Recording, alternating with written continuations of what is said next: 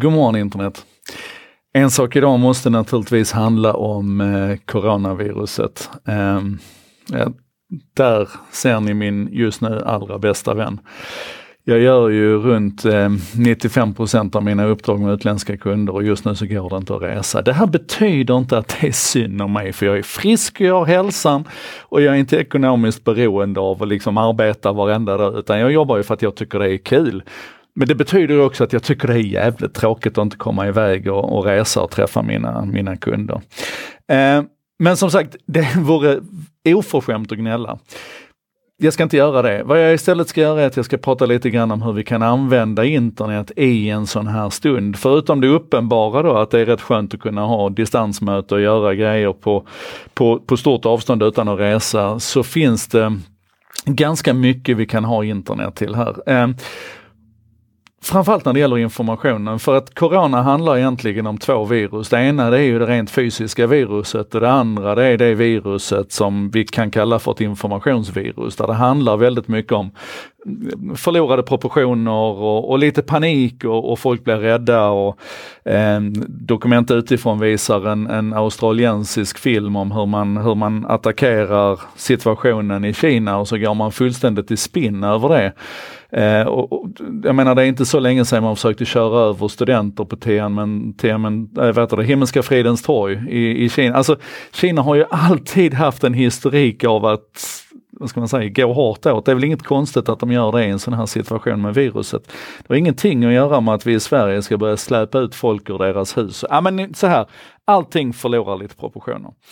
Och då är det så här, det finns en podcast som heter This podcast will kill you. Det är underbara Erin Welsh och Erin Allman Updike, alltså två stycken Erins som driver den här podcasten. Och de, de har pratat om epidemier och pandemier och virus nu i typ 44 avsnitt tror jag.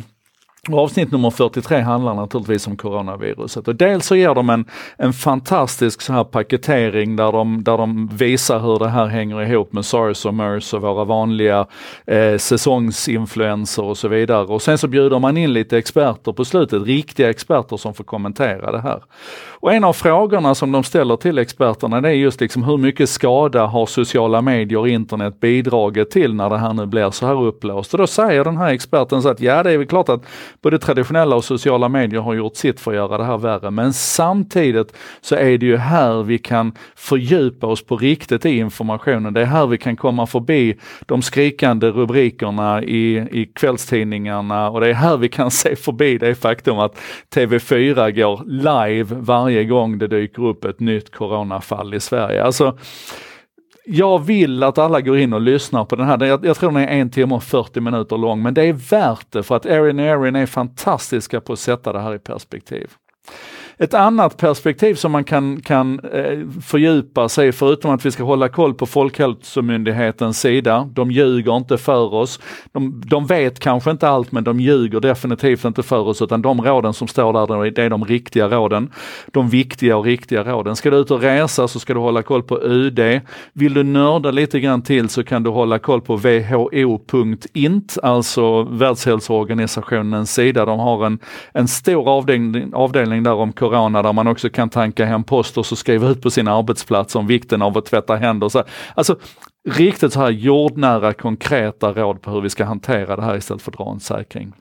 Men det finns också en sajt som heter Worldometer, Worldometers info och de har en avdelning där nu som handlar om coronavirus. Jag tror jag har pratat om den här tidigare för att jag är så glad för den här internet live stats. Om ni går in och googlar på internet live stats så kommer ni till en fantastisk realtidsuppdateringssida som naturligtvis bygger på beräkningar men ändå. Man kan se de här räkneverken på antal konto på Facebook och antal spam-mail och så här som bara räknas upp hela tiden. Otroligt bra visualiseringar gör de. Worldometer har också gjort gjort en sida runt coronaviruset där man kan få, du kan få eh, grafer på antalet fall, döda, spridning över länder, eh, kontinuerlig uppräkning och förklaring runt det här med death rate, alltså case fatality rate och så vidare. Jättebra information där och här ser man ju också det här att kurvorna är inte hockeysticks utan det är en, en stadig naturlig ökning och i de länder som Kina till exempel där man nu har liksom börjat lyckas med de här karantänsåtgärderna och så vidare så ser man hur kurvorna faller istället medan Italien blev tagna med brallorna ner och där ser det ut på ett annat sätt. Så kolla det. Men man kan också gräva vidare naturligtvis på internet. Man kan hitta en sida på Wikipedia som heter Superspreader till exempel, där man kan där man kan börja förstå det här med hur vissa individer och vissa platser liksom ligger till grund för de här explosiva utbrotten som det kan bli, som är starkt koncentrerade till vissa platser. Och förstår man idén bakom superspreaders så förstår man också varför man nu ställer in konferenser överallt. Att det, är inte, det är inte för att det här är det dödligaste viruset någonsin eller att det här är en stor global katastrof, utan man ställer in konferenser för att de är typiska superspreaders. Och, och det blir liksom, allting faller på plats. Det är ungefär som att att eh, SAS nu ställer in flygningarna till norra Italien. Ja, det beror delvis på en rekommendation från danska UD, men det beror framförallt på att man har ju sett passagerarsiffrorna dyka. Och om ingen vill flyga till norra Italien längre så kan ju inte SAS ligga och flyga där. Vi ska komma tillbaka till det. Jag ska bara säga också att när man sen börjar bevaka nyheter runt det här ur ett techperspektiv så hittar man hur Amazon till exempel nu har, har plockat bort över en miljon artiklar ifrån sin webbhandel som har varit spekulativa narrativa runt coronaviruset och hur man ska bekämpa det och så vidare. Alltså, man, har, man har plockat bort tens of thousands of overpriced health articles där man alltså då pumpar upp priserna här nu för att sälja. Och som sagt över en miljon artiklar som bara är rena scams har man plockat bort. Så på alla håll nu så jobbar man jätteintensivt med det här. Men jag sa på tal om SAS då, Lufthansa, en av mina favoritkunder, de har en, eh, ett labb kan vi väl kalla det, som ger ut ett nyhetsbrev som heter eh, Travel and mobility.tech.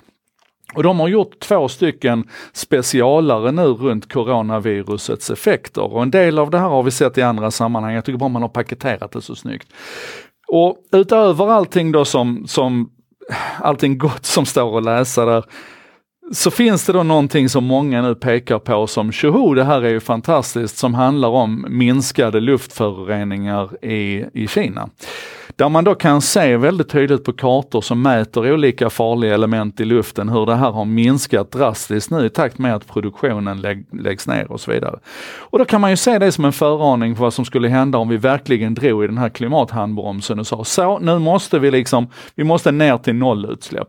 Då hade de här kartorna börjat se så här inom citationstecken trevliga ut som de gör nu med anledning av coronaviruset.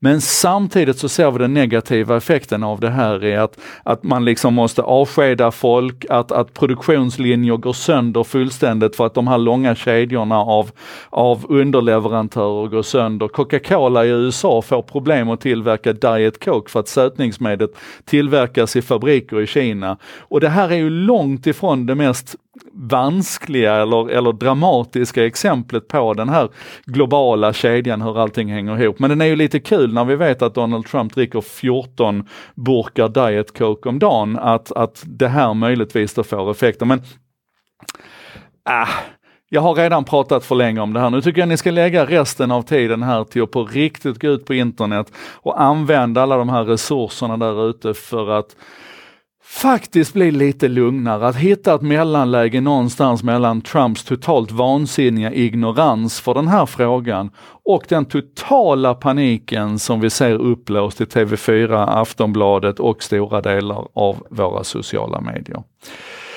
Det här är allvarligt, men det är inte livsfarligt för de allra flesta av oss. Hitta balansen i det här. Och framförallt, börja med att lyssna på podden. This podcast will kill you, avsnitt 43 tror jag det är. Jag ska kolla här för säkerhets skull. In och lyssna på Erin och Erin när de i avsnitt 43 är det det? Är det 43? Var är episodes? Season 3. Nu ska vi se. Jag vill bara få med detta här så att ni lyssnar på rätt avsnitt. Avsnitt 43 handlar om coronaviruset. Det kommer att vara dina bäst investerade 1 minut och 40, 1 timme och 40 minuter när det gäller coronaviruset. Shit, det här blev 10 minuter. Det var inte alls meningen. Förlåt. Det blir så när jag träffar er för sällan. Jag lovar att komma tillbaka med en ny imorgon och, och jag lovar att göra det.